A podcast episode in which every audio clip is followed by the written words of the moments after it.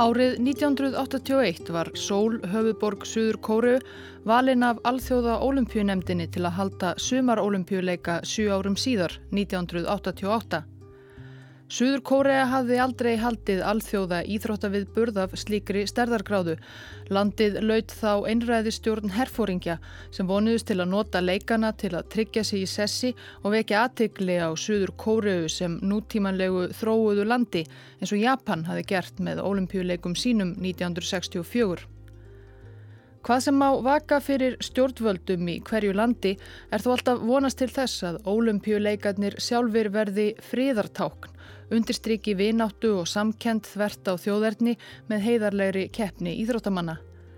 En jafnvel áður en þeir hófust áttu sumarolimpíuleikarnir í sól eftir að valda ófriði og blóðsútellingum.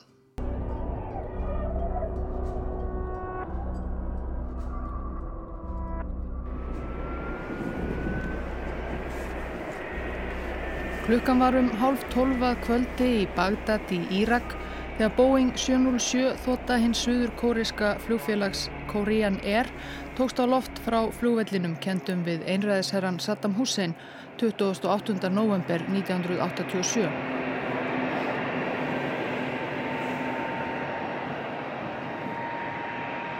Korean Air flug 858 átti langa leið fyrir höndum á áfangastað sinn Sól. Frá Bagdad til Sól eru meira en 7000 kilometrar og á leiðinni átti vélinn að millilenda tvísvar, fyrst í Abu Dhabi á Arabíuskaga, síðan í Bangkok í Tælandi. Farþegarnir voru 104 og 11 manna áhöfn. Flestir farþegarnir voru suður kóriumenn, ungir verkamenn sem unnu fyrir suður kóreisk byggingafyrirtæki á miðausturlöndum á leið heim. Þá voru um borð einn Indvergi og einn Líbani, báðir búsettir í saminuðu arabísku fyrstadæminum og tveir japanskir ferðamenn, Karlum 70 og dóttir hans á þrítugsaldri.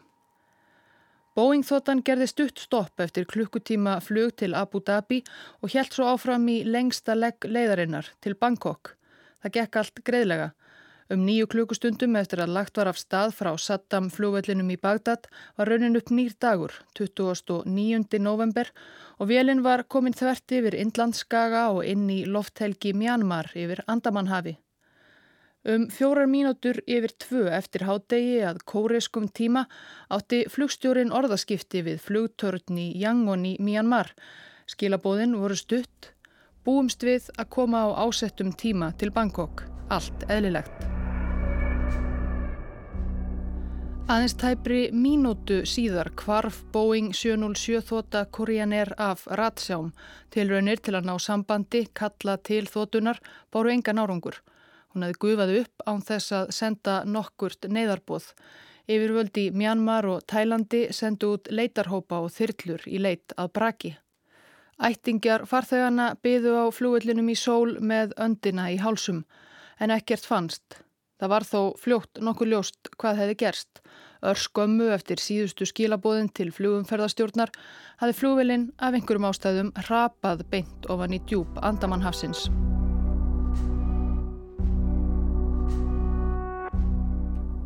Flugvelin var 16 ára og hafi verið til nokkura vandræða áður. Það var meðal annars farið að ræða um að taka hana úr þjónustu. En með ekkert brak og engan flugrita í höndum beintist rannsókn suður kóreiskra yfirvalda þó ekki sísta þeim sem voru um borði í vélinni þegar hún kvarf. Það vöknuðu strax grunnsemdir um að þetta gæti hafa verið hriðjuverk. Suður kóreiska ríkið var ekki neinum vafa um það að það átti óvinni, ódreiknanlega óvinni.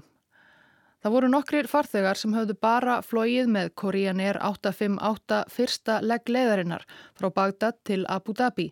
Rannsakendur litu sérstaklega á þessa og það voru strax tveir sem skáru sig úr. Japönsku ferðamennir tveir, feðgininn Shinichi Hatsuya 69 ára og Mayumi Hatsuya 25. Þau vöktu fyrst aðtegli því að á eigðublöðum hafðu þau bæði skrifað undir einungis skýrnarnöfn sín, Shinichi og Mayumi, ólíkt flestum japunum sem skrifuðu yfirleitt bara eftirnöfn á slík plögg. Þá kom í ljós að þau höfðu flóið til Bagdad frá Belgrad í Júgoslaviu og síðan flóið áfram frá Abu Dhabi til Eiríkisins Bahrein í Persaflóa þegar Korean Air 858 helt áfram leiðsinni til sól. Þetta þótti rannsakendum undarlega flókin og óskinsamleg flugleið. Ef feðgininn ætluðu til Bahrein hefði leið beinast við að fljúa beint frá Belgrad til Amman í Jórdaníu þaðan voru tíðar flugferðir til eigunar.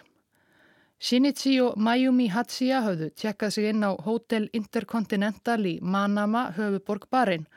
Suður kórisk yfirvöld fóru þess á leit við Bahrein strax 30. november, daginn eftir að flugvílinn kvarfi við Andamannhafi, að kanna feðgininn nánar. Og japanska sendiráðið í Manamagat staðfest að jú, japansku vegabrefin sem þessir myndu túristar hafðu framvísað við komuna til Bahrein voru fölsuð. Í ljós kom einnig að Shinichi og Mayumi Hatsuya, hver sem þau voru í raun og veru, áttu næst bókað flug allarleið til Rómar, en einn all undarlegur leggur í þessari heimsreisu þeirra feðgina.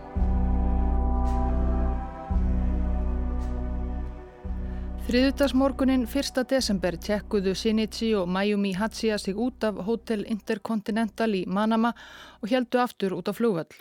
Þau voru komin í röð að komast um borði í vélina þegar nokkra bareinska lauruglumenn barað gardi og tóku þau höndum fyrir að ferðast á fölsuðum vegabrifum. Þetta var 1987. Fólk reykti allstæðar. Eldri maðurinn, sá sem saðist heita Shinichi Hatsuya, spurði lauruglumennina hvort þau feðkin mætti ekki reykja og meðan þau byðu eftir því að verða færði í varðhald. Bæði dróðu svo upp síkarettur upp úr Malboro pökkum í vösunum tiltu þeim í munvikin, byttu saman og fjallu svo bæði meðvitundarlaus til jarðar. Það hafði verið blásýru hilki í síkaretunum.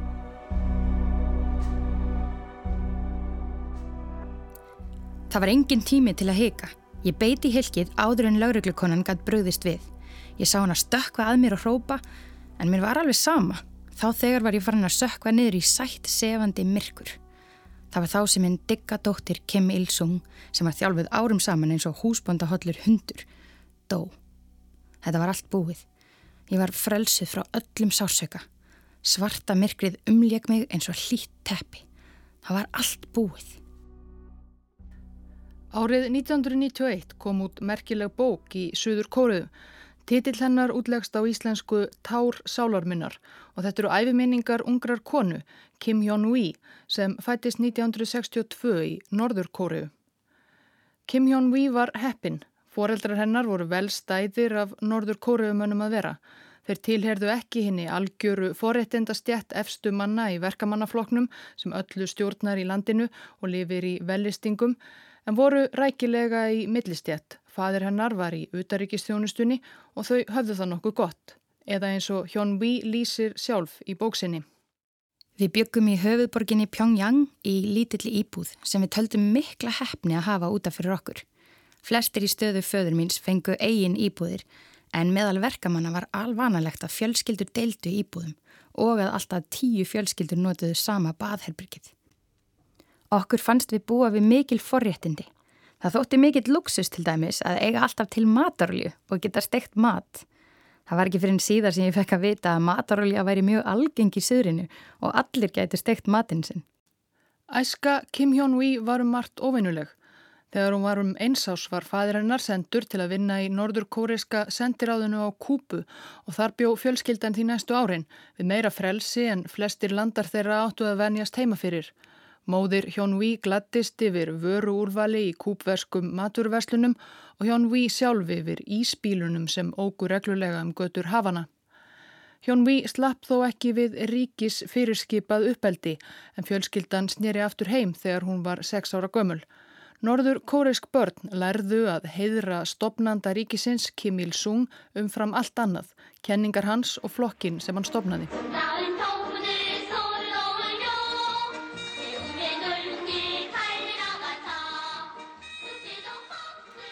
Bók Hjónví inniheldur meðal annars merkilega lýsingar á daglegu lífi norður kóreiskra skólabarna, áróðurinnum sem þau þurfa að sæta linnu löst og vinnu hörkunni í mentakerfinu. Börnin sátu lón og dón og lærðu utan að æfisugu leðtóans og ræður og voru oftar en ekki að langt fram á kvöld að læra söngva og dansa kommunismannum til dýrðar. Þegar kastaðist í kekki milli Kim Il-sungs og einhverja undirmanna hans og viðkomandi voru hreinsaðir að hætti Stalins, áttu börnin sjálf að fara í gegnum skólabækur sínar með svörtum penna og stryka út nöfn afbrótamannana. Börnin þurftu líka að vinna í þáu ríkisins, fóru út í flokkum og söpnuðu flöskum og brotajátni og öðru sem ríkið þurfti nöðsynlega á að halda í baráttunni við alþjóðakapitalismann. Stundum var það mennskur úrgangur sem var notaður á norður kórisk tún. Kim Jong-vi óks úr grasi sem afburðanemandi og afburðakommunisti. Hún var leiðtói í ungliðarhefingu verkamannaflokksins í skólanum sínum og þótti sína aga og ábyrð. Það var því ekki að undra að hún gatað loknum gagfræðaskóla valið úr bestu háskólum landsins, þá sem voru bara fyrir ungmenni úr efri stjættum. Að upp á stungu föður síns diplomatans skráði Hjón Vísi í námi japansku í tungumálaskólanum í Pyongyang Hún skaraði fram úr í námi og náði fljótt tökum á málinu. Með fram námi gengdi Hjón Vís og herþjónustu eins og önnur ungmenni. Eitt ófáum vikum í þjálfunarbúðum í sveitum þar sem nemar voru látnir marsera klukkustundum saman yfir torfært landslag og æfa skotfimi. Hjón Ví stóð sig líka vel í þessu öllu. Daginn árið 1980 þegar Hjón Ví var 18 ára á öðru ári í skólanum og meðal hans allra bestu nefenda var hún kolluðinn á skrifstofu rektors. Þar var einnig ókunnugur maður með nælu á jakkanum sem benti til þess að hann væri hátt settur í verkamannafloknum. Sá ókunnugi spurði Hjón Ví spurninga um afrekins mikla leittoga, um námsferil hennar og fjölskyldu.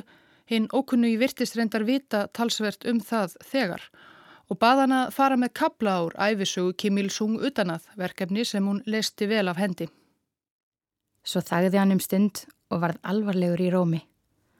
Kim Jong-wi, værir þú reyðubúinn að fórna lífinu fyrir flokkin? Gerir þú þér grein fyrir því að vinna fyrir flokkin geti fært þér mikinn heiður en einnig dauða? Ég gæti alltaf andað, spurningin kom mér svo í opna skjöldu, en ég var staðráðin í að sína það ekki. Auðvitað saði ég ákveðin. Ég geri hvað sem flokkurinn fer fram á, jafnvel þó ég þurfa að fórna lífi mínu. Það var auðvitað Kim Hyun-wee sem var hinn mynda unga japanska ferðakona sem var gripin á flugvellinum í Manama í Bahrein að reyna að komast upp í flugvél til Rómar á fölsuðu vegabriði. Hún var í fyllt með öðrum norður kóruumanni, eldri manninum sem þóttist vera fadir hennar og þau voru grunuð um að hafa komið fyrir sprengju um borði Boeing þóttu Korean Air á leið til sól frá Bagdad með þeim afleðingum að hún sprakk yfir Andamannhafi og allir 115 um borð fórust. Eldri maðurinn sem hétt í raun Kim Song-il lést skömmu eftir að hann beiti blásýru hilkið í síkaretunni fyrir framann lauruglumennina sem ætluði að handakan en Kim Hyun-wee lifði af.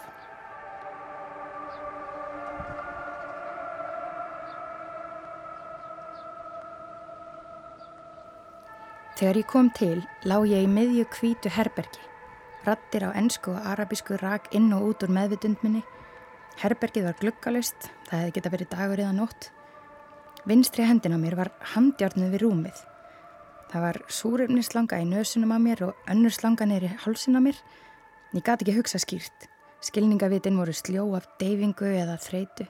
Ég man að ég hugsaði hvort þetta væri allt draumur og hvita herbergið einhvers konar áningarstaður á milli eins heims og þess næsta. Óljóst myndi ég eftir því að ég hefði tekið eitur og mín fyrsta hugsun var að það hefði virkað. En hún var á lífi, alvarlega veik og máttfarinn eftir blásýruna og brend og bólgin í munni og tungu. Þetta var ekki draumur. Nei, hugsaði ég, ég er á lífi. Ég stundi af örvendingu. Af hverju var ég ekki dauð? Ég hafði komist nærri dauðan, svo mikið var víst, en greinilega ekki nógu nálegt. Ég var ekki glöð að vera á lífi. Ég vissi strax að þjáninga mínar voru rétt að hefjast. Ég verði að vera sterk, hugsaði ég. Hinn ástkæri leðtogi hefur sett tröst sitt á mig. Ég skal deyja fyrir föðurlandið. Ég má ekki bregðast. Á sjúkrahúsinu í Bahrein gerði Hjón Ví nokkrar tilraunir til að stitta sér aldur, allar áranguslausar. Hún gafst upp og fór smátt og smátt að koma til og við sjúkrabeð hennar byrtust bareinskir laurglumenn og fulltrúar frá sendiráðum Suður Kóru og Japan og spurðu hana um flugið frá Bagdad. Í fyrstu þagði hún bara, svo ákvað hún að reyna að ljúa sig út úr þessu. Hún gati ekki viðurkent raunvurulegt þjóðverðni sitt og varla gati hún segst vera japansk eftir að hún var gripin með falsað vegabrif. Hún ákvaðað þykjast vera kínversk Hún hafi lært talsverða kynversku. Svo bjóð hún til mikla örlaga sögu um að hún hefði eftir erfiða esku sem munaðaleysingi í Wuchang í Kína hlaupist á brott til spilavítis borgarinnar Macau. Þar hefði hún kynst þessum gamla Japana Shinichi Hachiya og hann tekið hann að sér, síð fyrir henni og bóðið henni með sér í ferðalög sínum heiminn. Hún held sig fast við þessa sögu dögum saman, fór meira að segja með kínversku ljóð til að reyna sanna kínverskan uppbruna sinn og sömuleiðis eftir að henni var loks eftir nokkra daga á sjúkrahúsi í barinn flóið til Suður Kóriu í járnum og lörglufild. Hún var logandi hrætt. Hún hafði heyrt sögur um það heima hvernig væri farið með afbróta menn í hennu kapitalíska suðri, sögur um ólýsanlegar pyntingar og grymt. 15. desember var Kim Jong-vi leitt af lauruglumönnum út úr flugvél í sól, joggingala, handjártnuð og með sárabindi fyrir blásýru brendum munninum. Á flugvillunum byðu ótal bladamenn. Allir vissu að þessi fallega 25 ára gamla kona var grunuðum að hafa orðið 115 manns að bana. Nokkrum dögum áður hafði leita á Andamannhafi að braki úr flugi 858 loksins farið að bera árangur. Það fundust stórir tættir bútar úr skrokkvelarinnar sem var skreittur með ólimpíurringunum og ýmsir smáhlutir, meðal annars partur af björgunarbát sem rannsakendum fannst bera öll merki þess að hann hefði sprungið í loft upp. Það fór því að hitna undir Kim Hyun-wee. Hún sætti stöðugum yfirheyslum. Henni til fyrðu voru suðurkórisku leinithjónustu mennir nokkuð kurtisir og pintuð hana ekkert Þvert á móti fekk hún aðleiningu við blásýru eitruninni. En þeir voru handvisir um að hún væri að ljúa. Hún væri ekki hættishót kínversk.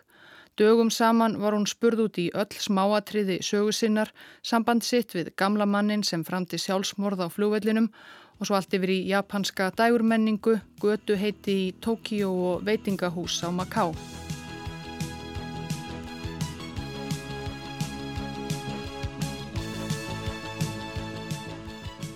Eitt daginn þegar farið var að líða á desember leittu nokkrir leinithjónustu menn Hjón Ví inn í bíl og fóru með hana í bíltúr um sól. Ekki leið á löngu þar til þau lendu í umferðateppu. Hjón Ví leit út um bílklukkan gáttuð. Hún hafði aldrei séð svona marga bíla. Heima í Pyongyang voru það einlega bara flokksforkólvar sem áttu bíla. Börn áttu að neyja sig ef bíl kerði framhjá. En við stýrin á öllum þessum bílum var venjulegt fólk, meira segja konur. Í norður Kóru létu konur sig varla dreyma um að keira bíl. Ég misti máli. Þessi sín var svo ólík því sem ég hafi búist við að ég vissi ekki hvað ég ætti að segja. Ég trúi þess ekki. Gatt ég loksins kvíslað. Þegar rökkvaði kerðu þau upp á Namsanfjall, skóivaksna hlýði miðborginni Þann sem sjá má mikilfenglegt útsýni yfir stórborgina og ljósa dýrðina sem henni fylgir að næturlægi. Þá breytist eitthvað innra með Kim Hyun-wee. Að lokum var það Sólborg sem gerði útaf við minn síðasta mótþróa. Ég hafði verið alin upp í þeirri trú að söður kóriðumenn væru örega leikbrúður miskunarlausra kapitalista og þegar ég kom til Sól vildi ég af öllum mætti trúa því sem mér hafi verið kent. En ég endurfættist. Stúlkubarnið sem ólst upp sem lærlingur Kim Il-sung ljast á flugvellinum í Bahrein. Smátt og smátt kom önnur manneska í hennar stað. Og Sól, meira en nokkuð annað, var foreldri þessara nýju mannesku. Ég fann fyrir hatri í gard Kim Il-sung þegar ég áttaði mig á því á einu andartæki að öll mín vinna og þjálfun og í raun allt mitt líf hafi verið byggt á legum.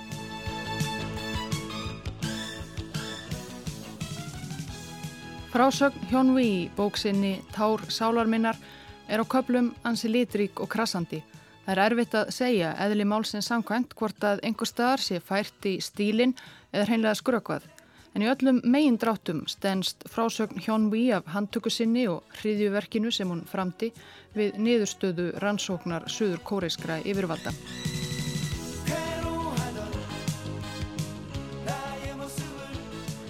Dægin eftir skoðunaferðina um sól var Kim Jong-vi enn einu sinni leitin í yfirherslu klefan en einu sinni fór leini þjónustu kona með henni yfir allar grunnsamdirnar og allt það sem ekki stóðst í vitninsbörði hennar. Það var komin 23. desember, átta dagar síðar Kim Jong-vi var flutt til sól og rúmar þrjár vikur frá því að Korean Air flug 858 hrapaði niður í Andamannhaf. Allan tíman í haldi hafði hún ekki mælt eitt einasta orð á móðurmáli sínu kóresku. Fyrir nú, loksins, að hún brotnaði niður, greipi leinithjórunustu konuna og muldraði fyrirgeðu mér. Mér þykir þetta leitt, ég skal segja ykkur allt.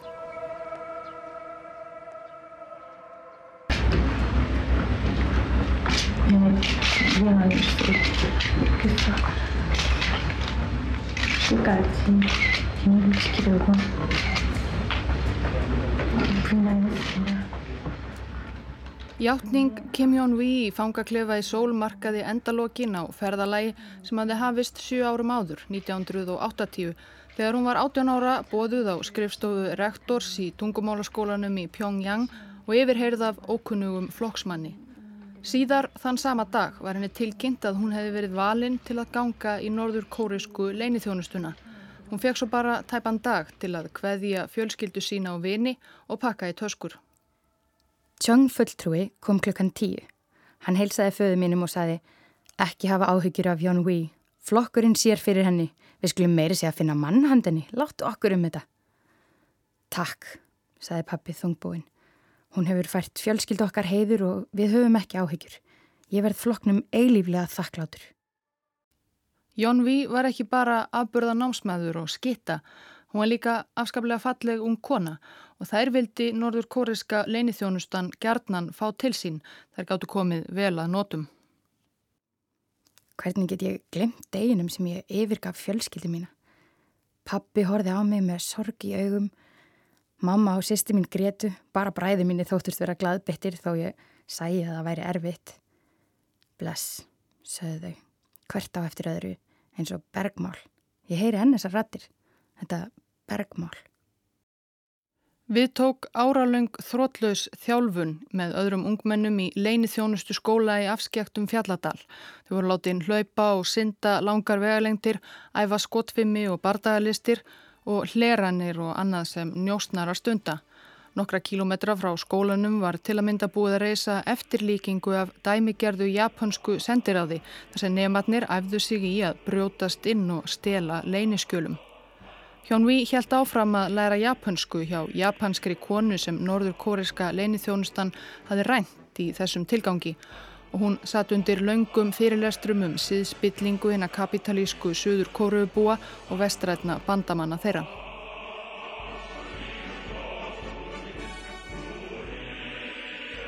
Kóruuríkinn tvö voru og eru enn formlega séð í stríði að eins og vopnarlega samningur hafi bundið enda á Kóruustríðið 1953.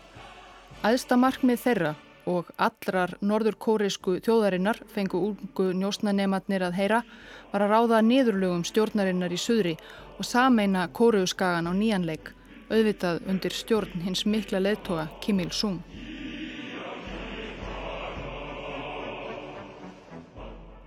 Hjón Ví stóðst lokapróf leinithjónustu skólans með Soma 1984, 22 ára. Í æfisugu sinni segir hún frá fyrstu verkefnum sínum í starfi Þau snerust flestum að öðlast reynslu fyrir eitthvert mikilvægt verkefni sem hún vissi ekki enn hvert yrði. 84 var Kim Jong-vi sendi mánadalangt ferðalagum Evrópu til Moskvu, Budapest, Vínar, Kaupanahafnar, Frankfurt, Súrik, Genfar og Parísar. Hún fór í fyllt eldri reyndari leinithjónustumanns, Kim Song-il, sem Hjón-vi lísti í bóksinni sem lágvöksnum með kvítár hrumur og laslegur þó hann hafi aðeins verið 66 ára með andlit eins og krumpað pappisblad.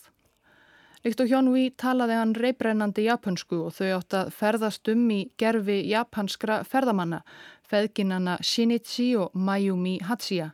Hjón Ví tók verkefnið mjög alvarlega og fyrir brottför stúderaði hún japanskar kvikmyndir og tískutímaritt til að tilenga sér útlitt og atferðli japanskra stallsistra sinna.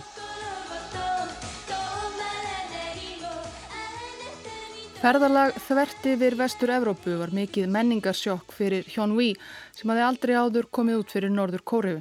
En hún var gegnsósa af áróðri og flest sem hún sá í vestri staðfesti hryllingssögurnar sem hún hefði heyrt um kapitalismann. Hún var sjokkeruð yfir klámbúlum og vændiskonum í Kaupmannahöfn og forríkum monthænsnum í Sviss í mingapelsum með demans ernalokka á limósínum og svo framvegis. En með henni og eldri leinithjónustumanninum Song Il sem var vanur ferðalögum í Evrópu tókst góður vinskapur. Eftir á lísti Hjónvi ferðinni svona í skýrslu til leinithjónustunar. Heimsokk mín til kapitalistaríkja Evrópu staðfestir bara það sem mér hefur verið kent. Það er hárjætt að þar lifa bara örfáir vel og líf almennra borgara eru ömurleg. Þetta var hreinasta helviti. Ég hef séð fín veitingahús þar sem einungis koma kapitalista svín sem sjúa blóð og svita alþýðunar. Að sjá hundana þeirra sem eru betur klættir en þorri almennings er sorglegt og ógeðslegt tákn um mishefnað samfélag þeirra. Ég er stolt af því að norður kóriskir borgarar búi, starfi og læri saman og þurfi ekki að hafa áhyggjur af daglegum nöðsynjum. Ég er staðræðin sem aldrei fyrr í að helga líf mitt okkar sósialísku útópíu og vernda hana gegn ofinum. Það er heiður að þjóna hennum mikla leiðtoga og ég verðað eilífu þakklátt að hafa fæðist í norður kóriðu.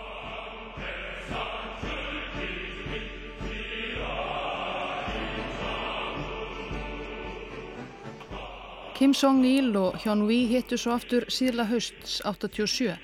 Þá kom svartur Mercedes og vænt í leini þjónustu skólan afskekta þar sem Hyun Wee bjó enn við storf og þjálfun.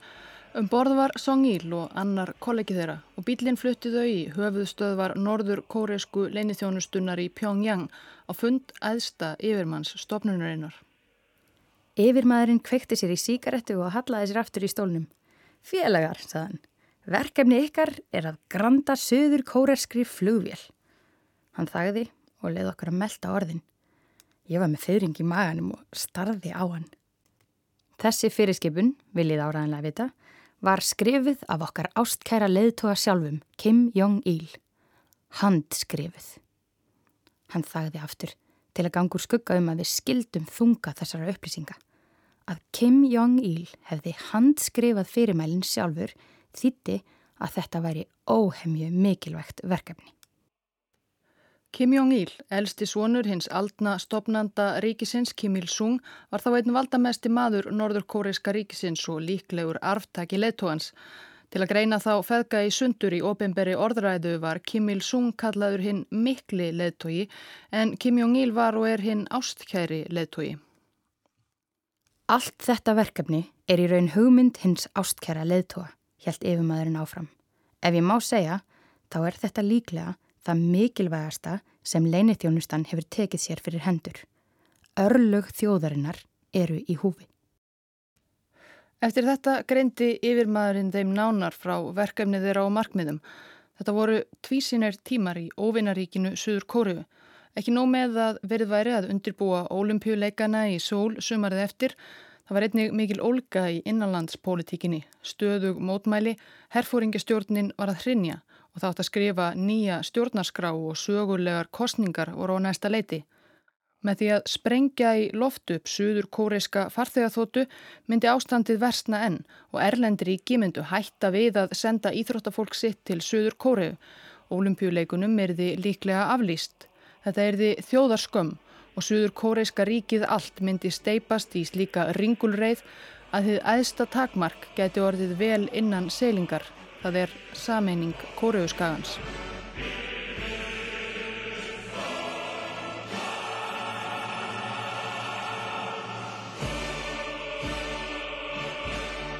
12. november 1987 flugu Songil og Hjónví til Moskvu frá Pyongyang og þaðan til Budapest þar sem þau gistu í fjóra nætur heima hjá norðurkóreskum sendiráðsmanni. 18. november kerðuðu frá Budapest til Vínarborgar en í fyllt sendiráðsmannsins á sendiráðsbíl hans komist þau í gegnum landamæri Ungverjalands og Östuríkis án vandkvæða. Það var þá sem sendiráðsmaðurinn kvatti og letu þau fá tvö fölsuð vegabrif, japonsk, í nafni feðginanna ferðaglöðu sem þau höfðu leikið í fyrri Evrópufersinni. Það var þá sem þau urðu aftur Shinichi og Mayumi Hachiya. Í Vínarborg tjekkuðu feðgininn sig inn á hótelam Parkring í miðborginni, herbergi 603 og fóru svo á ferðaskrifstofu þar sem þau keftu flugmiða, langa flugleið, nokkuð undarlega. Vínarborg, Belgrad, Bagdad, Abu Dhabi, Bahrein og svo líka miða tilbaka frá Abu Dhabi til Rómar í gegnum Amman í Jórdaníu. Næstu daga leku njósnararnir tveir túrista í Vínarborg eftir fremsta megni. 23. november fluguðu til Belgrad með Austrian Airlines, tekkuðu sig inn á ennett hótelið og heldu áfram sama leiknum.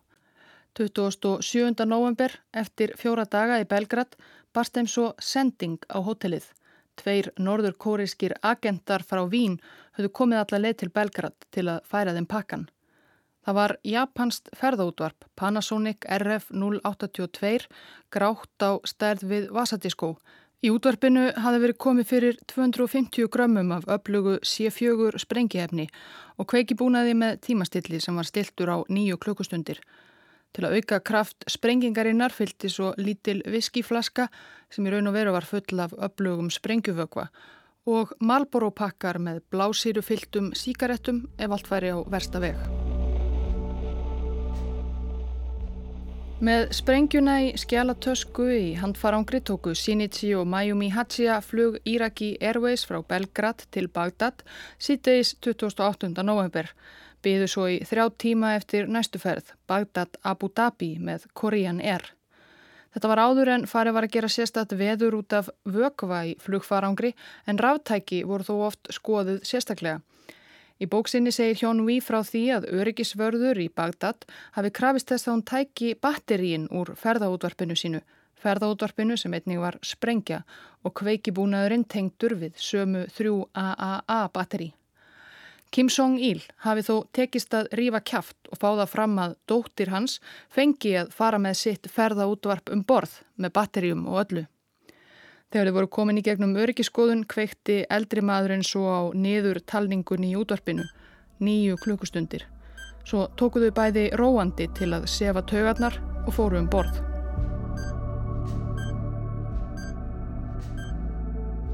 Farþegarnir voru næstum allir söður kóraskir og kjöftuðu mikið saman. Ég fann til örlítillar samkendar. Þó að þau væri söður kórask fannst mér þetta að vera mitt fólk. Gjáinn á millokkar svo óeðlileg. En ég saði sjálfur mér að verkefni mitt væri báðum ríkjum fyrir bestu. Það var það sem mér hafi verið sagt og ég trúði því. Flögið til Abu Dhabi tók rúma klukkustund. Þar fóru japansku feðgininn Shinichi og Mayumi Hachiya frá borði og skildu sæti sín í Boeing þótunni 7B og 7C eftir auð og þau skildu líka eina skjálatösku eftir í farangursrýminu fyrir ofan sætin. Í töskunni var meðal annars lítil viskiflaska og grátt Panasonic vasaútvarp. Útvarpið sprakk einmitt nýju klukkustundum eftir að Kim Song-il eða Shinichi Hachiya hafi kveikt á því á fljóvellinum í Bagdad um 5 minútur yfir tvö síðdegis að staðartíma í Suður Kóru þegar fljóvelin var í 37.000 feta hæði yfir Andamannhafi. Þetta var upplugur sprengiefnis kokteil og hefur að öllum líkindum tætt stórt gat á fljóvelaskrokkin og velinn svo hrapað niður í hafið.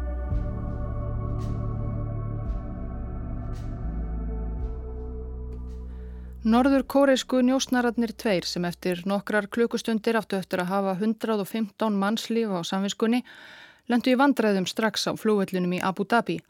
Þau höfðu ætlað að fljúa beint þaðan til Amman í Jordaníu og svo til Rómar þaðan sem þau myndu svo haska sér aftur til Pyongyang, þjóðhetjur.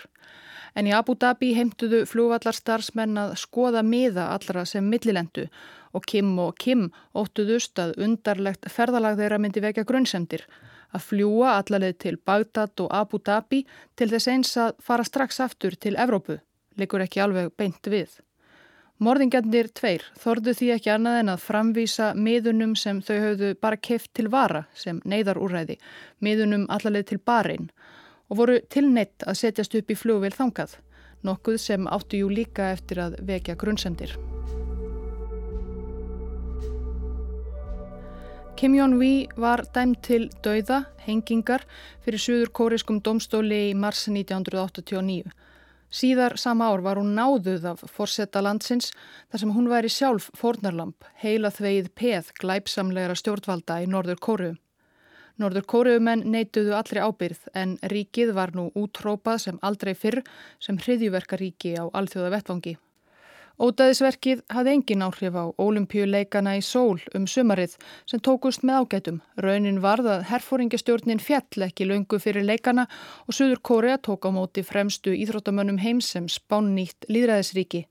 Aldrei höfðu fleiri lönd tekið þátt í ólimpíuleikum og meira segja helstu bandamenn Norður Kóru, Kína og Sovjetríkin letu sig ekki vanta. Sovjetmenn hlutu flest gullverlun. The 40th Olympic Games in Seoul open.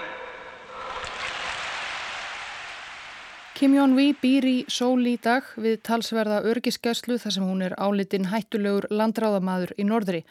Hún giftist suður kóriskum leinithjónustumanni og á með honum tvö börn. Mm, 많이 괴로웠죠, 물론. 뭐, 글쎄, 그 아무리 오랜 세월이 뭐 Hún tjáir sig gerðnan um álefni Kóruuríkjana í fjölmiðlum og hefur líst yfir einlægri yðrun fyrir gjörðir sínar í fjölmörgum viðtölum. Ágóði að bókinni Tár Sálarminnar rann til fjölskyldna Fornarlampa hennar og Kim Song-il. Talið er að fjölskylda hennar heima í Norður Kóru hafi verið sendt til þrælkunarvinnu í fangabúðum. Bók Kim Jong-vi líkur á brefi til foreldra hennar sem hún gæti aldrei sendt. Nú þegar er búið að samina tvo hluta Þískalands vona ég innilega að okkar tími sé ekki langt undan. Og þegar það gerist verð ég svo glöð að sjá ykkur og við verðum fjölskylda á ný. Því það er skínandi stjarnabak við dimskíin og það er líf sem þráir að spretta upp úr frósinni jörðinni. Við megum ekki gefa upp vonina. Það eru þúsund hlutir sem ég langar að segja en ég verð að hætta. Sakn ykkar frá sól, ykkar dóttir Kim Jong-wee.